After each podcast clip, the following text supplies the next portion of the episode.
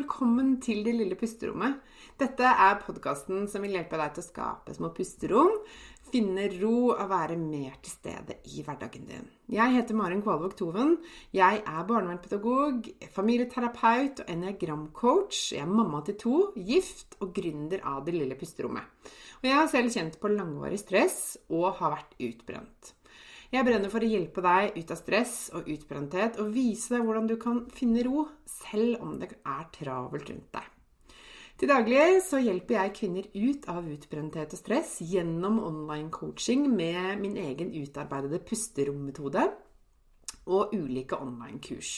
Du vil høre meg reklamere for mine tjenester i denne podkasten.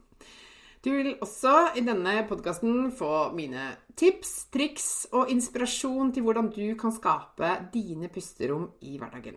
Jeg kommer også til å dele egne erfaringer og invitere spennende gjester på besøk. Mer om meg og det jeg kan hjelpe deg med, det kan du lese om på delillepusterommet.no. Det er veldig gøy om du deler at du hører på Det lille pusterommet i sosiale medier, og tagger meg, så jeg kan si hei til deg. Jeg heter Marin Kvalvåg Toven både på Facebook og på Instagram. Her kommer dagens episode. Hei, og velkommen til en ny episode av Det lille pusterommet. I dag, denne episoden har jeg gleda meg veldig til å spille inn, for i dag har jeg besøk av en utrolig spennende dame. Eh, og hun skal få lov til å introdusere seg selv. Hun heter Marit Blankenberg, og vi har blitt litt kjent nå det siste månedene, snart året, tror jeg. Eh, og, og, dette er en litt annerledes episode, for Marit er verken eh, en kjendis eller en uh, superekspert. Hun er en kvinne som deg og meg, som har lyst til å dele av sin erfaring og det hun har lært. Så hjertelig, hjertelig velkommen, Marit. Tusen takk. Kan så hyggelig å få være med. Det var, ja. det var skikkelig, gøy å få være gjest i din podkast, det må jeg si. Det har jeg gleda meg virkelig lenge til. Altså. Det, det er stort. Ja. Kan ikke du fortelle litt om uh, liksom, uh, hva gjorde at du har havnet her hos meg i dag, holdt jeg på å si? Fortell litt om din bakgrunn. Ja, eh, som sagt så heter jeg Marit, 54 år og bor i Kristiansand. Eh, det begynte vel egentlig litt sånn eh, tilbake til Grunnen til at jeg havna i din podkast, eller hørte på din podkast, det var jo etter mange år med, med mye Altfor mye jobbing, litt for mye på privaten, som gjorde at eh, jeg begynte å bli litt utbrent. Jeg hadde liksom ikke noe sånn Jeg hadde symptomer på utbrenthet. Jeg visste ikke helt hvordan jeg skulle komme, komme ut av det, på en måte. Så eh, det begynte med at jeg gikk ned litt i stilling. Jeg tok et valg og hoppa av karusellen på jobb. Begynte å ta med en fridag i uka. Det var sånn det egentlig begynte først. Jeg tenkte dette går ikke lenger, jeg må på en måte eh, finne en utvei. Så det begynte med at jeg, jeg hadde ønska lenge å trappe ned på jobb. Jeg hadde en lederstilling på jobb, jeg hadde hatt i mange, mange år. Eh, den begynte å spise meg opp eh, innenifra. Det var krav, forventninger. Eh, det var aldri godt nok. Ikke på jobben med lederen min, men som samfunnet og, og bransjen spesielt. Aldri godt nok. Uansett hvor mye du jobba og mye du på en måte sleit og var på jobb, mange timer du jobba, så var det liksom aldri godt nok. Så jeg kjente det etter hvert at uh, dette, dette, har jeg ikke lyst til å fortsette med. Jeg hadde hatt uh, den tanken i mange år, egentlig. Jeg kjente det allerede etter kanskje fem år med, med mye jobbing. Og spesielt i den bransjen, at dette er ikke noe jeg har tenkt å fortsette med. Men jeg visste ikke helt hvordan jeg skulle komme ut av det. For det var jo tross alt en inntekt. Eh, det var en jobb jeg hadde. Jeg tenkte jo på pensjonen min.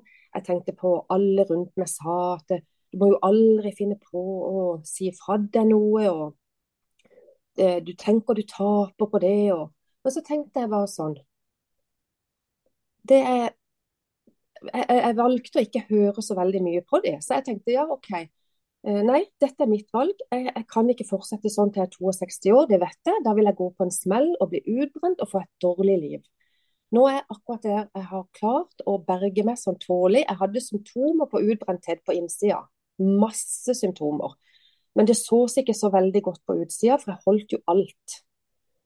Så jeg fikk Jeg var så heldig og fikk en mulighet av daglig leder, en kjempe, kjempemann som jeg har jobba sammen med i mange år. At nå har vi en mulighet for at du kan tre ut av stillinga di, fordi vi skal bygge om butikken, vi skal gjøre en skikkelig grep. Og vi har en del sånn frafall, naturlig frafall nå, så nå kan vi få det til, sa han. Hvis du ønsker det. Og jeg var så glad. Så jeg sa Altså, jeg var ikke i tvil, det var bare å hoppe ut. Og så Samtidig så gikk jeg ned i stilling. Jeg tok én fridag i uka.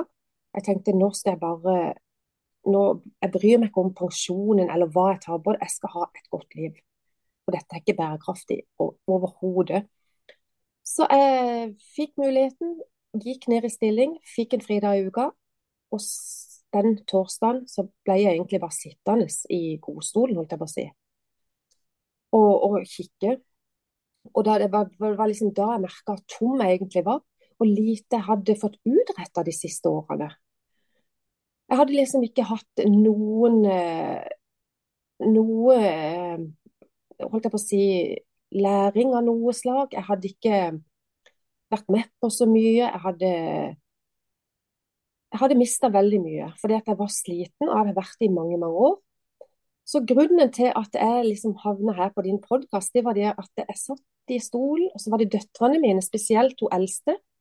Hun var jo litt sånn Ja, mamma, at ikke du eh, At ikke du begynner å høre på podkast, sa hun da. Og da hadde jeg vært litt sånn at jeg syntes liksom podkaster var så slitsomt. Eh, jentene mine hørte på eh, Tønne og Lisa Tønne og disse podkastene, og jeg hørte det jo alle veiene. det at eh, vi var sammen eh, når de holdt på å stelle seg på badet hvis vi skulle noe, så var det alltid på med podkast. Og jeg syntes det var grusomt slitsomt. Og så sa jeg det at nei, eh, nei det syns jeg er så slitsomt å høre på. Jeg, jeg, må ha det stille.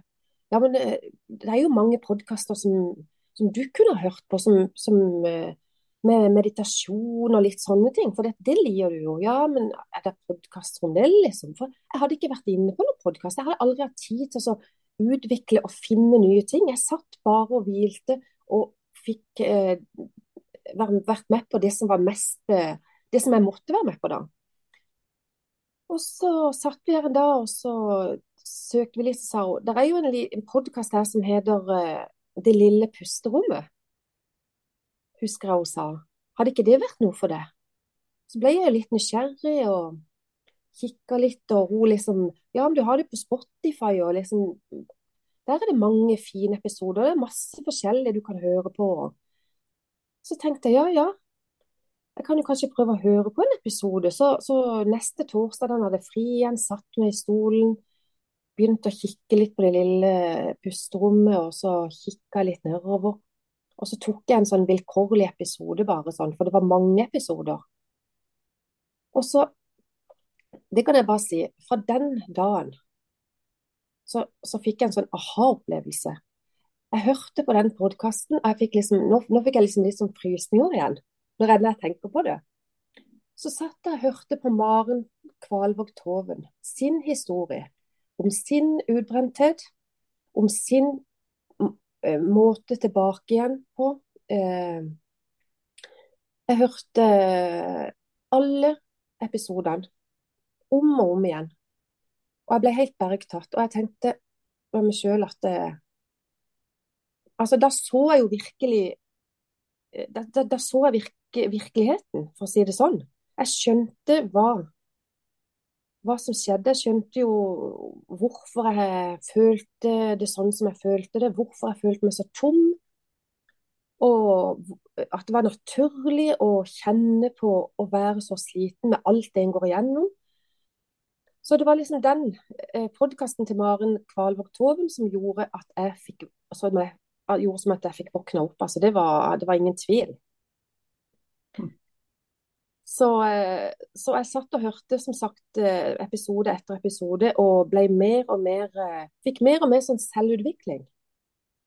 Det var det som skulle til. Mm. Rett og slett. Ja. Mm. Det, er, det, er veldig, det, er, veldig, fint å høre deg fortelle, Marit. Ja, tenk det. At en podkastepisode kan utgjøre en så stor forskjell. Det er Veldig fint å høre. Ja.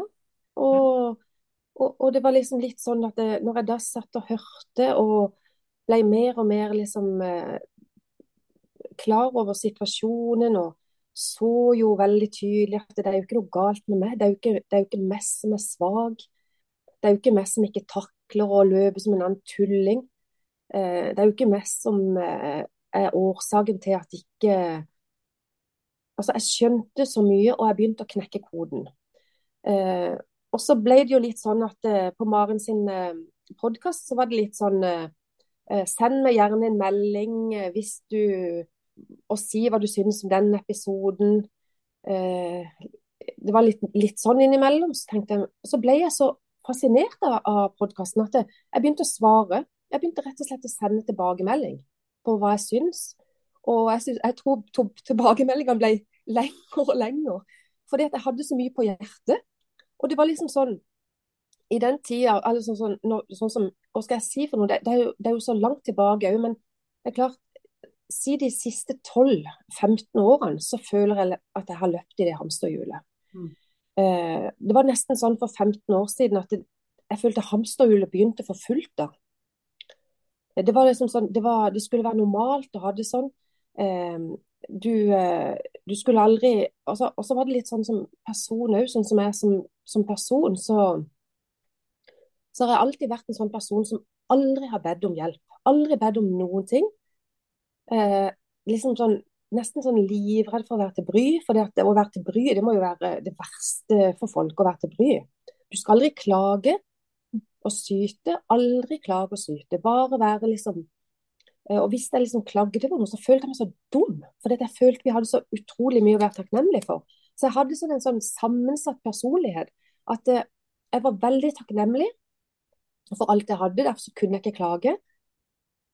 Samtidig så, så merka jeg det at jeg begynte å bli bitter. Jeg begynte å bli eh, jeg begynte å bli sånn irritert. Begynte å bli irritert på samfunnet. Begynte å legge skylda på, på alt det rundt meg.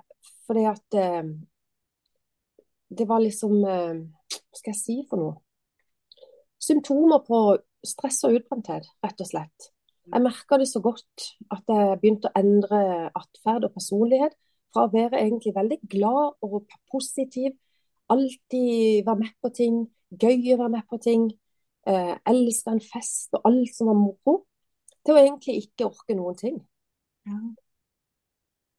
Eh, det ble liksom bare en karusell som bare gikk rundt og rundt og rundt. Og så er det litt med det òg at eh, sånn som jeg føler eh, Grunnen til at jeg, jeg, tok tak i dette, det var fordi at det, eh, det stritter egentlig mot min, eh, mine verdier. Jeg merka sjøl når jeg var på jobb. Jeg så det daglig, jeg ser det daglig. Eh, jeg hører det daglig fra kvinner og damer og jenter. Eh, så, så, det stritter liksom litt mot min natur og verdier å fortsette sånn. Eh, jeg mista litt av femininiteten min. Det var sånn Nå kan nesten aldri stelle seg lenger. Å ta på seg en kjole OK, vi hadde ikke kjoler, jeg gadd aldri kjøpe kjole. Så du mister liksom Du mister deg sjøl på veien. Så det var liksom Det som gjorde til at jeg tok virkelig tak i det, det var egentlig den indre verdien min. Ja. Jeg tenkte dette, dette vil ikke jeg være en del av. Dette samfunnet og dette her eh, eh, folk holder på med i dag, inkludert meg sjøl, da. Det, det, vil ikke jeg være en del av. Det, det, er nesten sånn Jeg følte nesten at det var sånn eh, nedverdigende å være en del av det. Mm. Jeg følte meg eh, dum som gadd å være med på dette hamsterhjulet. Det var nesten litt sånn jeg følte det. Så, så, jeg tenkte jeg må gjøre noe med det. Så jeg kan jo ikke redde verden, tenkte jeg. Og, så hadde tenkt, jeg har jo tenkt så mye. Sittet i denne gode stolen min og meditert og tenkt og funnet roen. Og hørt på podkasten din eh, og vært, en, eh, vært, veldig sånn Veldig vågen på å bruke veldig mye tid på å finne meg sjøl. Finne mine verdier og finne min vei videre. Brukt veldig mye tid på det. Eh, og da eh, har jeg jo kommet fram til at eh, Jeg var jo nødt til å gjøre et eller annet. Jeg kan jo ikke redde verden, tenkte jeg. Jeg kan jo ikke klare å redde samfunnet i den forstand. Men samtidig så følte jeg sånn at det, det er jo nesten som å stå, stå, på en holme. Jeg følte nesten sånn at det var som å stå på en holme og kikke på en liten sånn fritidsbåt som holder på å gå ned. Du står og ser på at den holder på å synke.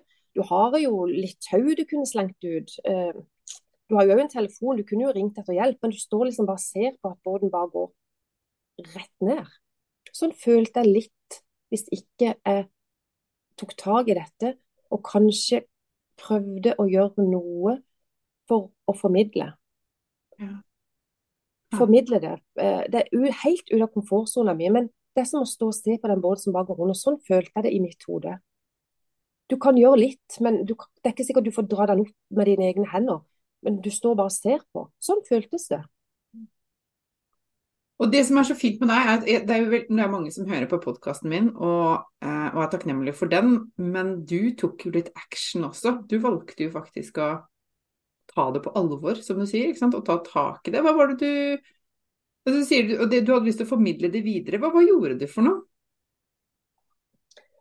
Uh, nei, altså først så begynte jeg jo å jeg begynte litt i det små. Jeg begynte, jeg begynte faktisk på din podkast. Jeg begynte å bruke din podkast eh, for, for, det det var verdt. Eh, jeg begynte å dele litt eh, episoder. Eh, sendte litt link og litt sånn til både døtrene mine. Jeg har jo to voksne jenter på 27 og 31 snart. Som jeg bruker veldig mye tid på, og, sånn at ikke de skal gå på, på en måte i det samme sporet. At, det ikke, at ikke de arver den samme galskapen da. Vi må jo få stoppa den, tenker jeg. Mm. Så jeg begynte med mine. Jeg eh, begynte å dele litt sånn småting med de. Har du hørt på den podkasten? Har du hørt på den podkasten? Og så fant jeg episoder som kunne passe litt til de. Og så sa jeg hør på den episoden der. Og så begynte mine jenter òg å høre på dine podkaster. Eh, og, og, så begynte det å bli en sånn deling. Eh, jeg hørte, og jeg hørte på den podkasten med Maren. Og, og, det er jo akkurat som å høre meg, sier hun yngste dattera mi. For det tror jeg er jo litt sånn litt høysensitiv og litt sensitiv. Og, og, og litt sånn. Og så, og så tenkte, så tenkte jeg skal, jeg skal virkelig gjøre noe med det. Og, så en kveld så hadde vi en sånn, vi hadde sånn jentekveld. Eh, sånn i utestua her. Eh, der jeg inviterte noen av mine beste venninner. Og mine to døtre og de sine venninner der vi diskuterte og hørte på podkast, og din podkast. Altså, så jeg liksom, jeg begynte der.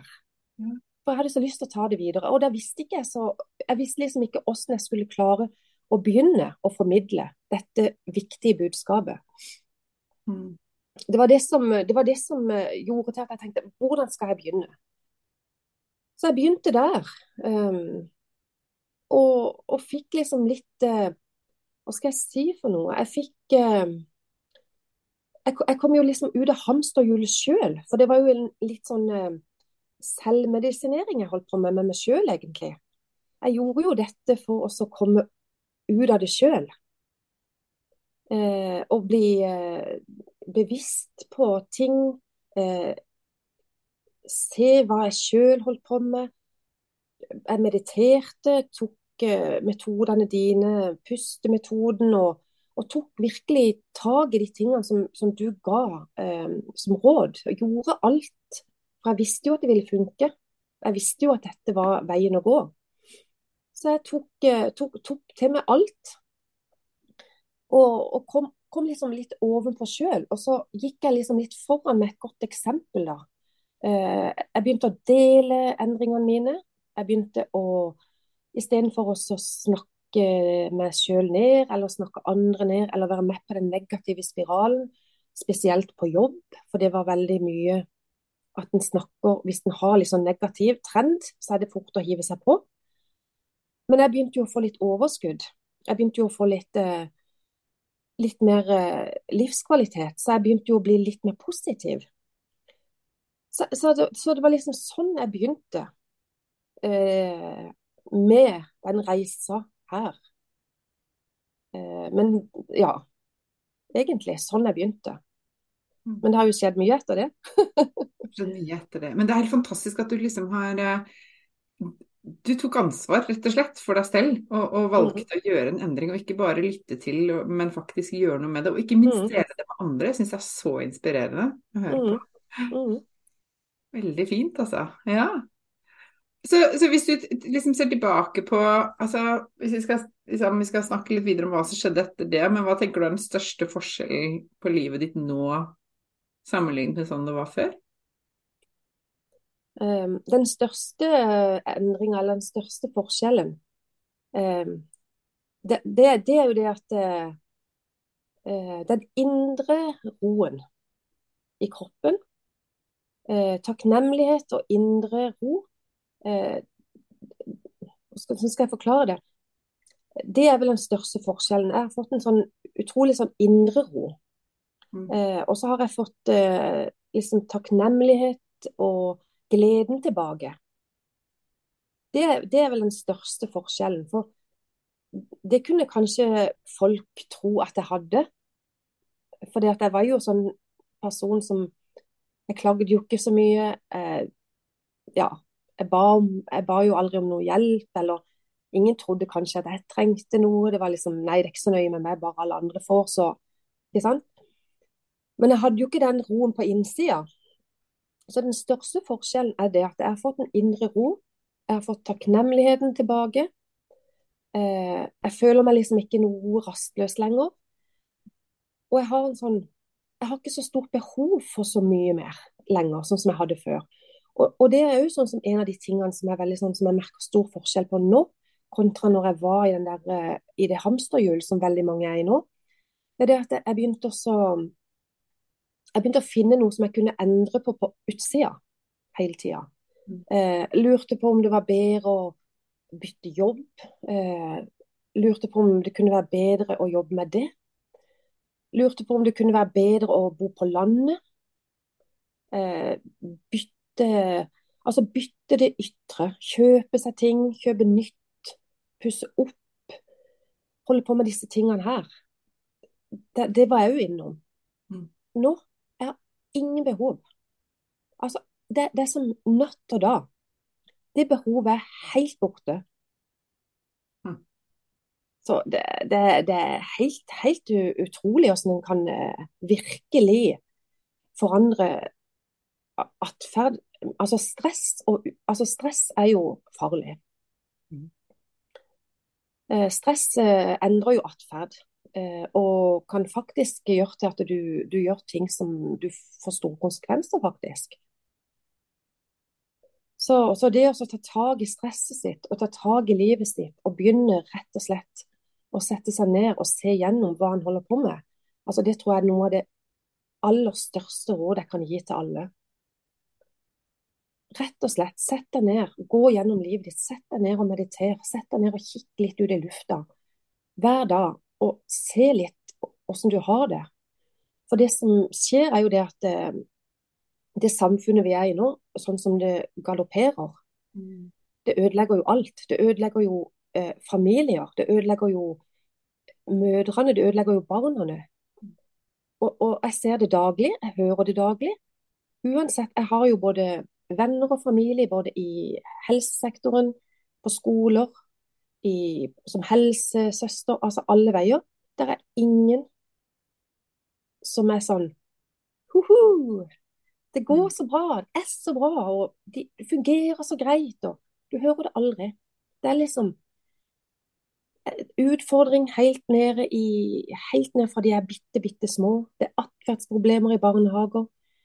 Eh, I skolen så begynner de å utragere når de er bitte, bitte små. Før, når vi vokste opp, så var det kanskje i 9.-10. klasse du merka at de som ikke kanskje hadde helt funnet kursen sin, da begynte å skli ut. Nå begynner de når de er fjerde, tredje, fjerde, femte klasse. Så du hører ingenting eh, Det går bare i feil retning, tør jeg påstå. Så det er skremmende. Ja, og det engasjementet har liksom våknet litt hos deg, ikke sant? I Mm. altså, i forhold til at du har lyst til å formidle dette videre til Mm. den neste generasjonen også, kan du si? Mm. Ja. Det er det. Det er det engasjementet der som har våkna. Det er det at jeg, kan, jeg, kan, jeg ser det så krystallklart. Og det er ingen tvil om at det, dette går i feil retning. Mm. Det er ingen tvil om det. Jeg ser det så krystallklart. Eh, jeg ser, det, jeg ser hele bildet. Og da kan jeg ikke bare stå og se på. At, eh, men, men så vet jeg samtidig at jeg kan jo ikke redde jeg kan jo ikke redde verden. Men hvis jeg ikke hadde tatt tak i meg sjøl, mm. så hadde jo jeg vært et dårlig eksempel overfor den neste generasjonen. Så jeg tok ansvar, og tok, jeg tok ansvar for meg sjøl. Og så har jeg lyst å jobbe, eller jeg har litt lyst til å jobbe med dette videre på en eller annen måte. Ja, ikke sant. Ja. Lytterne ser jo ikke det, men jeg smiler fra øre til øre. Det er så fint å høre på Marit. Og jeg tenker på, nå har jo du kommet et sted i livet hvor mange kanskje ser for seg at det vil roe seg ned fordi barna har flyttet ut, ikke sant. Det er ikke så hektisk lenger. Eh, jeg, jeg tipper at mange som lytter til denne podkasten, som kanskje er i 20-30-40-årene, da, tenker at ja, men når, når, jeg er i midten av 50-årene og jeg ikke har barn lenger hjemme og ansvaret for dem på samme måten og sånn, så vil jo ting automatisk bli litt roligere. Men det er jo ikke din erfaring. Eh, nei, eh, jeg følte ikke det. Jeg følte liksom at det nesten ble litt grann, eh, Nesten litt verre. Fordi at når jeg hadde Når mine to eh, barn var små, så, så hadde ikke jeg det hamsterhjulet. Fordi at eh, Nå er jo den eldste dattera mi 31 år, og, jeg, og, vi hadde ikke det hamsterhjulet her. Det, det, var liksom en sånn bevisst handling at eh, jeg var hjemme, de var ikke i barnehage. De begynte rett på skole, begge to. Jeg hadde kanskje den yngste bitte grann i en barnepark det siste året før hun skulle begynne på skolen. Eller så var de hjemme med hver dag, og vi hadde sånn gode dager, aldri noe stress. Eh, det var aldri noe hamsterhjul, ingenting. ikke sant? Så, så det var en sånn fin overgang.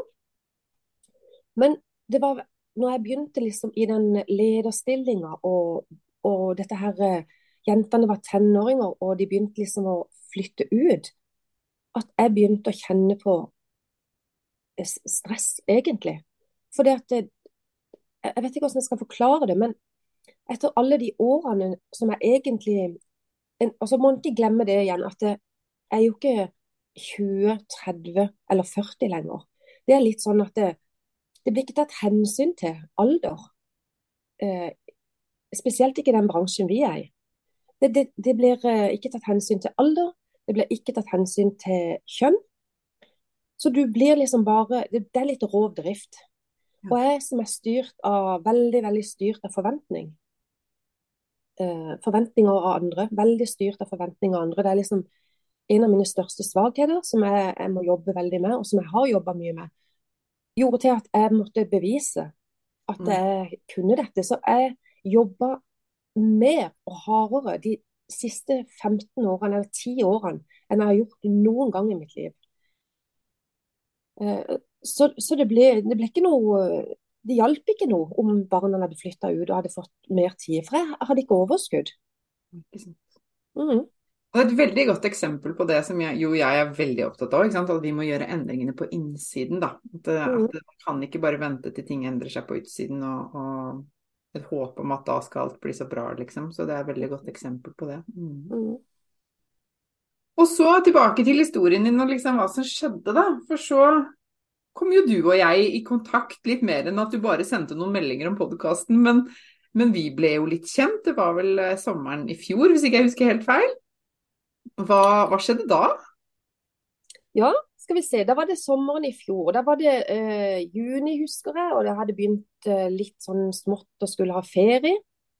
Jeg begynte å få litt sånn, ja, litt god tid. Jeg visste jeg skulle ha tre uker ferie, og jeg satt og kikka litt på podkasten og leste litt mail. Og, og da hadde jeg fått en mail fra det hadde, da hadde vi jo hatt litt kontakt, litt sånn fram og tilbake. Du skjønte litt hva jeg brant for og kanskje sleit med, og du jobba jo mye med dette. Eh, og da fikk jeg en mail om, om, eh, om jeg hadde hørt om frønæring. Mm.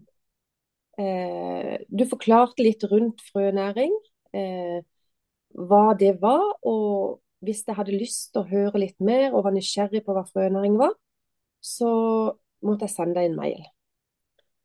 Og da, da husker jeg satt og tenkte frønæring. det hadde jeg aldri hørt om.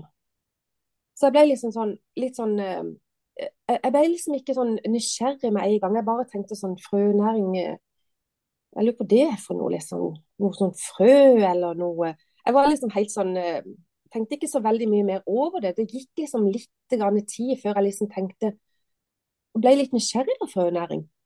Og så var det jo litt òg med at det, det, var liksom litt lojaliteten din eh, som gjorde at det vekka litt nysgjerrighet. For det var jo lojaliteten. For det begynte jo med at det, dine podkaster gjorde til at jeg klarte å finne meg sjøl. Og du hadde funnet deg sjøl gjennom selvutvikling eh, og, å ta tak i det med utbrenthet. Og det at du brant og jobba så for det, det var jo det samme jeg kjente på. Så jeg fikk en sånn en, uh, tilknytning, så jeg tenkte jeg skal lese litt mer om frønæring. Og så leste jeg litt, og du sendte meg litt mail, og vi prata litt om frønæring. Og, og, så inviterte du meg Og så var det litt Ja, det, det, kan vi snakke om litt, for det er jo litt spesielt igjen òg. Det må jeg jo bare si. Jeg hadde jo aldri vært, aldri vært på sosiale medier. Eh, jeg var, jeg, jeg, det er jo helt, Du snakker om å, snakker om å skyte seg selv i foten, jeg vet ikke hva jeg skal si. Men jeg hadde så fordommer mot sosiale medier. I alle år. Jeg var ikke på Facebook, jeg, aldri, jeg, var, jeg, var, ikke på Instagram. Jeg hadde ingen konto på sosiale medier. Og på jobb eh, så var det sånn Vi hadde jo Facebook-grupper som han delte ting, la ut informasjon. Og jeg måtte alltid få det på en sånn ekstra melding. For jeg var så sta at jeg skulle ikke på sosiale medier. Og de rista bare på hodet. Men for meg var det sånn Jeg skjønner hvorfor de rister på hodet. Det er jo bare det er jo bare ondskap, og det er jo eh, roten til alt ondt. Og det, og det er ikke tull engang. Jeg kjente på det. Mm. For jeg så jo medaljens bakside òg av å være på sosiale medier. Og jeg så jo hva de gjorde. Og det var jo litt med det òg at det, jeg så jo at sosiale medier gjorde noe med barna, med ungdommene, med unge voksne, som begynte å få den der ekstra armen. Det, det, det så jeg veldig tidlig. Eh, akkurat det, for jeg har nok en sånn med at jeg er litt sensitiv, så tror jeg nok jeg ser uh, bildene tydeligere.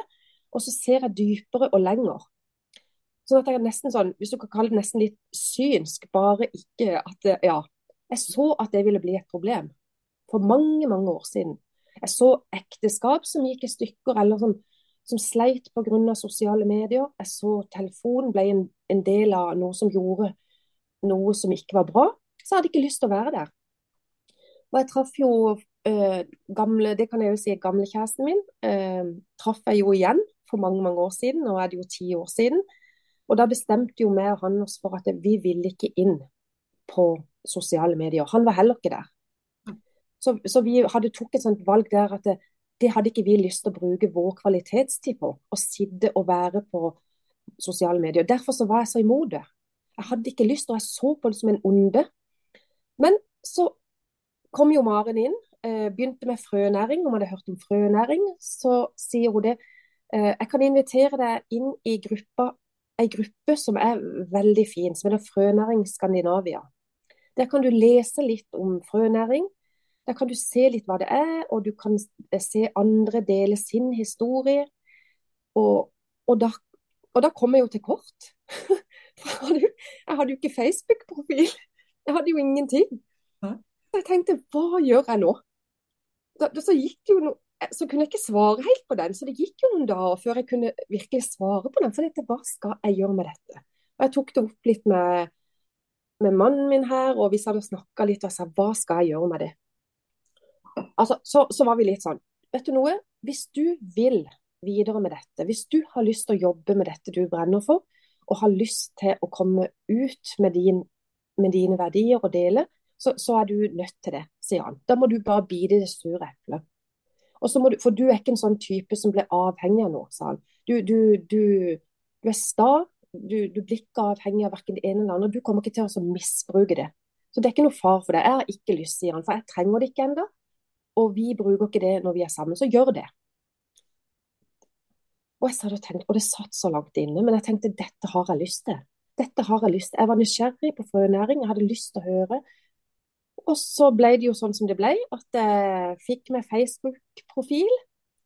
Ble invitert inn i frønæringsgruppa, og så begynte jeg å lese. Og når jeg begynte å lese historier, høre historier om alle de fine historiene om de som hadde begynt å bruke frønæring, hvordan det hadde forandra de sitt liv. Altså det vil si, det er jo ikke noe halleluja, men det hadde forandra livet de sitt såpass mye at eh, jeg hadde veldig lyst å prøve. Jeg hadde lyst til å prøve å høre hva frønæring var. Så tok jeg jo kontakt med deg igjen. Mm. Ja. ja. Og hoppa rett i det. hoppa rett i. Jeg ble ikke kunde, ingenting. Vi hadde en prat med Maren. Hun eh, la fram hva frønæring hadde gjort for henne, hva Frøning hadde gjort for så mange andre. Jeg hadde vært inne og lest meg opp litt.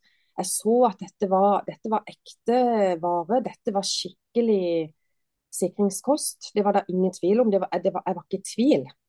Og jeg er skeptisk, men jeg var ikke i tvil. Så jeg hoppa rett inn. Eh, ble distributør. Kjøpte ei litt god distributørpakke, så jeg hadde en del produkter. For jeg hadde så lyst til å prøve litt forskjellig. Og det var i juni eh, i fjor. Og begynte å bruke eh, det ene produktet eh, hver dag i en måned. Tenkte nå skal jeg gi det en sjanse. Nå eh, kjører jeg på. Og det, også, nå, jeg kunne jo sitte og prate her til i morgen, men altså det Det som skjedde da, det var jo det at eh, det begynte jo å skje ting ganske fort med kroppen. Jeg kan tenke meg at det gikk en sånn to-tre uker så merka jeg at det begynte å skje noe. Eh, det som skjedde først, var at eh, jeg fikk eh, plutselig nattesøvnen min litt mer tilbake. Jeg hadde jo, hadde jo sovet dårlig i flere år. Jeg hadde jo veldig mye overgangsplager òg i den tida. Jeg sleit med mye hetetokter om nettene. Jeg, våkna sikkert eh, 20-30 ganger hver natt, og, og, fikk ikke sove igjen. Så det var altså så slitsomt. Og jeg hadde veldig mye hjernetåke. Jeg husker jeg var veldig ukonsentrert. Jeg kunne sitte og se på TV, bare sitte og kikke rett fram. Og så spurte mannen min liksom Jøss, og, og, gikk det nå, henne? Eller eh, hva skjedde nå? For han hadde holdt på med noe annet. Jeg satt jo og stirra på skjermen. Men jeg fikk det ikke med meg. Mm. Eh, jeg husker ikke koder. Eh, jeg skulle logge meg inn på PC-en på jobb plutselig. Jeg husker ikke, kode, jeg husker ikke innlogginga mi. Jeg husker ikke bank... Altså, jeg begynte å huske dårlig og veldig, hadde veldig mye hjernetåke, og jeg hadde veldig mye tankespinn. Mm. Jeg kverna mye. Jeg hadde sånn Ja. Jeg tenkte verste scenario, ikke sånn på ulykker eller uh, sykdom og sånn, men jeg så um, utviklinga. Det var mest utviklinga i samfunnet og at jeg ikke klarte å ta tak i ting som kverna. Så, så jeg hadde veldig mye tankespinn. Og det som skjedde, når jeg hadde gått en måned, brukt opp én pakke med Soul, og det husker jeg så godt, det var i juni, så kjente jeg at den indre uroen og tankespinnet forsvant. Det var, det var eh, Det forsvant. Det, det ble eh, mildere og mildere og mildere. Nattesøvnen kom tilbake. Eh, jeg ble eh, helt sånn, jeg, jeg, trodde ikke det var sant, liksom. Jeg tenkte sånn, eh, jeg måtte liksom dele det med ei kjempegod venninne. Dette er ikke sant, sa jeg. Enten er det mest som innbiller meg, eller er det Og hun ble såpass hun, hun, så på meg som så troverdig at hun bare bestemte seg jeg skal òg. Og hun fikk, fikk jeg pakka med, hun òg, og begynte å bruke Soul. Tok hver dag akkurat det skjedde, samme skjedde med henne. Mm. Hun fikk en uh, annen energi. Uh, ja, det, det, det, var, det, var, ingen tvil om at det, det funka. Mm. Og jeg begynte jo å fortsette å bruke det. Og, og, sånn som i dag, da. Jeg vet ikke om jeg skal ta helt fram til nå, da, Maren, og så si det sånn som det er blitt akkurat nå. Ja. For nå har jeg jo brukt frønæring hver dag siden. Og jeg har ingen ingen tankespinn. Altså det, det, er ikke Jeg har ingen tankespinn, og jeg har heller ingen eh, eh, hjernetoget sånn som det var. Ikke mer enn det som er normalt innimellom. Eh, jeg sover Altså nattesøvnen min er kommet tilbake. Jeg sover godt hver eneste natt. Og jeg har ingen hetetokter. Altså, jeg har ikke én hetetokt. Og det, det, er sånn, jeg tenker sånn OK, um, jeg har jo tenkt litt sånn Kan det være at overgangsalderen er over? Men jeg er jo bare 54 år. Sånn sett så burde jeg jo ha hatt litt enda. Men alt er vekk. Og jeg føler meg rolig og har en indre ro. Og jeg føler en uh, helt annen takknemlighet. Så det er klart at det, noe må jeg jo ha mangla av næring i kroppen. Hormonbalansen min må jo ha vært helt ute og kjøre pga. det at jeg ikke har fått den næringa som en trenger. Det er jo ikke noe tvil om det. Eh, næring er jo eh, Jeg husker eh, eh at en prøvde å spise sunt. Og jeg har jo alltid vært litt sånn tenkt eh, sunt. Men det har ikke vært nok eh, grønnsaker, frukt. Det er ikke den næringa i, i, den eh, Så mm. jeg tror rett og slett at hormonbalansen ikke var Jeg tror det var hormonbalansen som var ute å kjøre. Og den eh, fikk jeg retta opp med frønæring. Helt 100 det, det, det, det, er det, det er det ingen tvil om. Det er veldig gøy, da. Eh, ja. Og veldig godt eksempel på hvordan det psykiske og det fysiske henger så tett sammen. Da, ikke sant? Mm. Ja. Og så, så, du valgte jo rett og slett å, å, begynne å formidle dette videre også. For dette vekket jo enda et engasjement hos deg. Og hvordan dette liksom eh, Det å begynne å bygge opp en sånn type business da, eh, ved siden av jobben din, eh, også sammenfalt veldig med det du ønsket å formidle ellers, ikke sant? Til andre kvinner. Kan vi ikke si det sånn, eller? Ja. Jo, det var det, akkurat det det var. Det var sånn jeg, jeg så liksom for meg at eh, dette er kanskje min eh, mulighet til å kunne jobbe litt med denne formidlinga. Kanskje jeg kunne finne en arena der jeg virkelig kunne finne en plattform å formidle. For det henger jo sammen. Mm. Eh, det, det, fysiske og det psykiske henger jo sammen. Så det er jo sånn, du kan jo liksom ikke Ja. Du, det må liksom flettes inn i hverandre. Og da tenkte jeg dette har jeg lyst å ta videre. Dette har jeg lyst til å jobbe med. Um, denne businessen her er jo var jo en enkel business for meg. Og det var litt på grunn av det at uh, En av grunnene var at den er så den er så fri. Altså du kan uh, styre det helt sjøl. Uh, det er første jobb eller business jeg noen gang har vært med på og sett som ikke har noe forventningskrav. Mm. Det var liksom en av de tingene som jeg kjente på at det, det, er jo ikke noe forventningskrav her. Det er jo ikke noe eh, du må. For det var liksom sånn, hele livet mitt har nesten bestått av alt det der må-tingene hele tida. Åh, jeg må jo Åh, så må jeg det. Jeg må jo det. Men det var ingen må-ting. Eh, det var så trygt eh, og godt å være en del av det. For det, det som skjedde, var jo at det, hadde det vært en sånn må-ting, så hadde nok ikke jeg lykkes i det.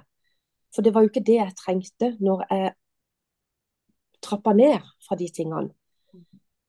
Men jeg så veldig tidlig at det, det var litt overveldende med en gang. For da var jeg jo litt sånn Jeg var så redd for at det var en sånn ting som jeg måtte virkelig henge på for å få til.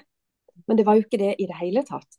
Det var sånn du kunne ta steg for steg og ta det i ditt eget tempo. Du kunne velge helt selv hvor mye arbeid du ville legge ned. Du trengte ikke å legge ned arbeid hvis ikke du ville. Du kunne bruke det som en hobby.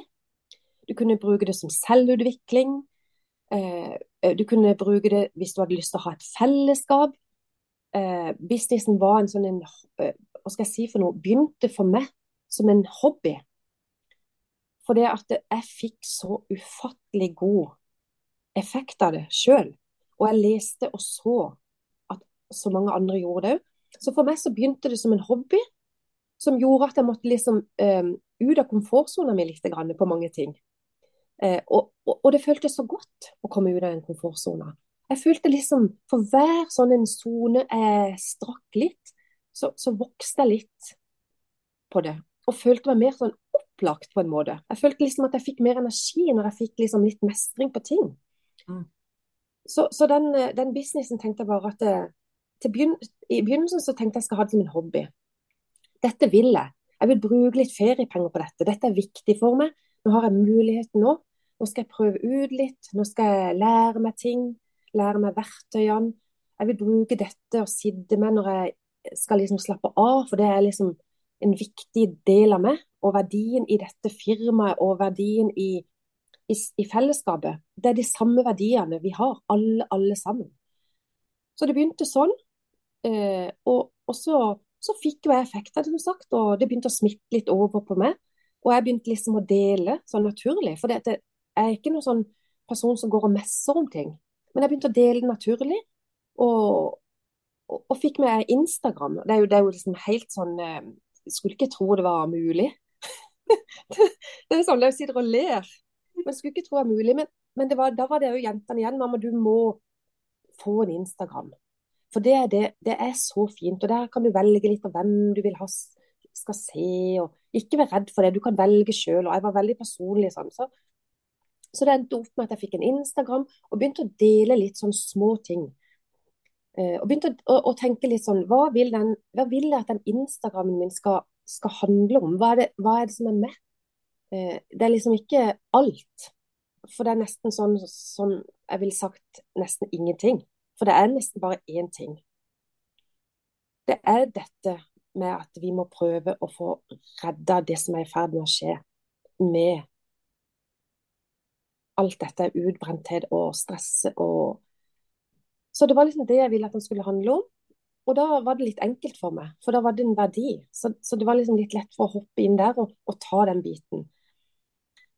Og Så begynte jeg å dele, og så fikk den lyst til å være med litt, og syntes dette virka interessant. og så fikk jeg med meg den, og så hadde den lyst til å være med. Og så ble det liksom litt sånn eh, steg for steg.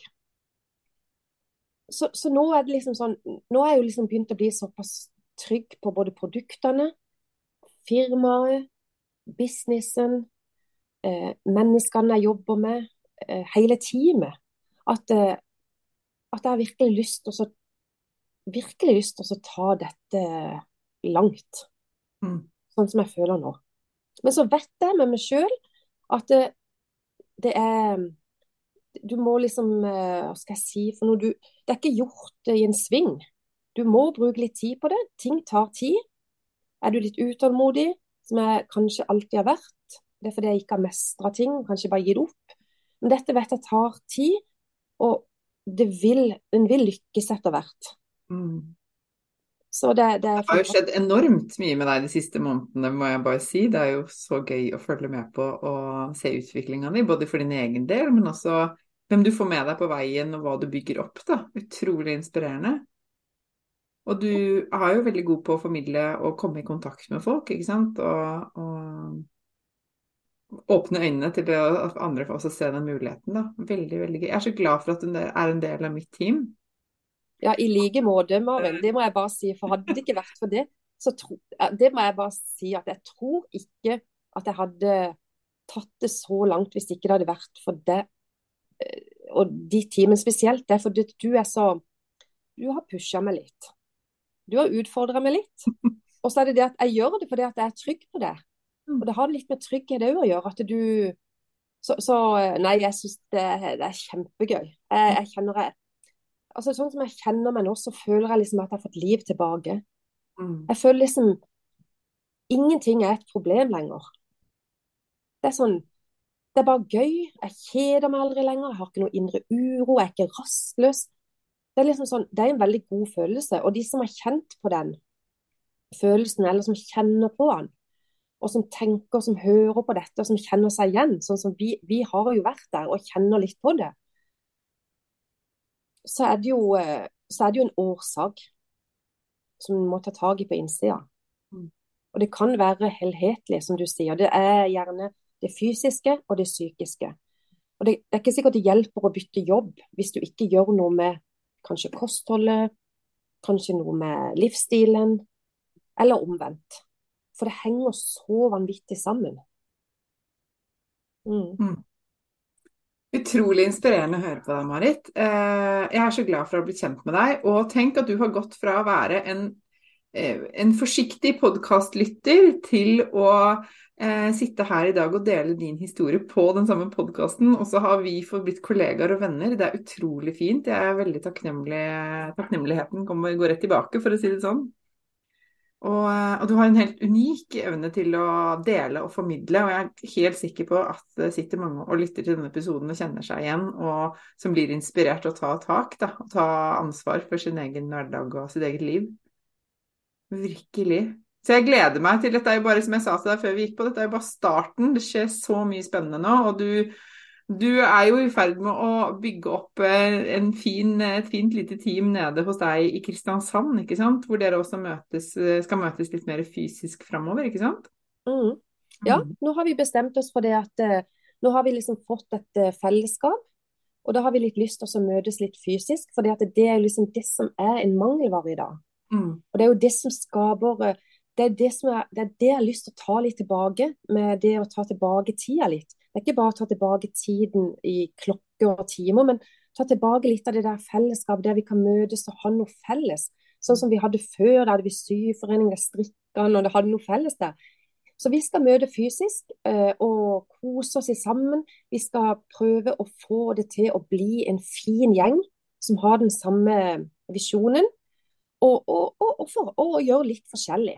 Ut og spise en kveld, ta møte kanskje ute på med et glass vin. Eller en onsdag hjemme, eller en kaffe på en kafé. Litt sånn. Og, og da tenkte jeg at jeg skulle være litt sånn primusmotor for det. Og ta tak i det og, og, og lage For det er jo bare gøy. Ja, ikke sant. Ja, det er gøy for meg. Du har jo allerede eksempler på noen i teamet ditt som har lyst til å Eller som har tatt et steg ut av hamsterhjulet og virkelig vil vil følge ditt eksempel. ikke sant? Det er utrolig gøy å se, altså. Ja, så bra. ja, jeg syns det er gøy sjøl. Å så i hvert fall den generasjonen, eller de som er litt yngre enn meg. Mm. At jeg kan liksom treffe litt Ikke det at jeg skal treffe 15-20-åringer, for det er klart, du må jo gå litt av veien. Du kan ikke forvente at en 20-åring skal se og ta mine råd, og så liksom synes det er helt OK. Men det er liksom de som er litt yngre enn meg, som er i ferd med å inn i det samme. Hvis de kan på en måte, Hvis jeg kan få de med meg på laget mitt til å stoppe, det, da, da, har jeg gjort eh, noe eh, bra, altså. Da skal jeg være fornøyd og klappe meg sjøl på skuldra. Det er liksom min visjon. Ja. Fantastisk. Åh, jeg blir så glad av å høre på deg. Og jeg har bare lyst til å si tusen takk for at du hadde lyst til å dele din historie og din erfaring på podkasten min. Jeg gleder meg masse til hva fremtiden bringer, og, og, vi skal være mye mer sammen i årene som kommer, det er helt sikkert. Og så tenker jeg at du sier til de som sitter og, og lytter nå, at vi kommer til å legge ut link til uh, Marit sin Instagram-konto, uh, sånn at du kan få gå inn og følge henne og ta kontakt med henne hvis, uh, hvis du bor nede i Kristiansandsområdet eller i Sørlandet og har lyst til å vite mer og joine gjengen der nede, sånn at du kan få ta kontakt med henne. Er ikke det greit å si, Marit? Jo, det er helt supert. Og så vil jeg bare si tusen takk til deg, Maren, at jeg fikk lov til å være gjest på podkasten din. Det var fantastisk. Det må jeg bare si. Tusen hjertelig takk. Det var godt å kunne formidle. Ja, det er du god på. Tusen takk for at du deler.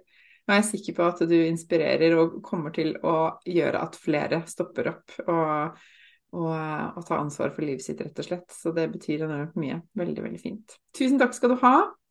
Eh, til dere som lytter, så vil jeg bare si takk for at du lytter på podkasten. Eh, du finner link til både Marins, nei, Marens, Instagram-konto og mer informasjon hvis du ønsker å komme i kontakt med meg under her også. Del gjerne hva du ble opptatt av etter denne podkastepisoden. Jeg vil veldig gjerne høre fra deg. Og inntil vi ses igjen, så håper du tar godt vare på deg selv. Ha det! Dette var dagens episode. Jeg håper du likte den. Og hvis du gjorde det, så del gjerne i sosiale medier og tagg meg med at Maren Kvalvåg Toven, så kan jeg si hei til deg. Jeg blir så glad for sånne meldinger. Og følg meg gjerne også på Facebook og på Instagram. Du finner meg som Maren Kvalvåg Toven begge steder. Jeg ønsker deg en fin dag videre, og så snakkes vi igjen snart.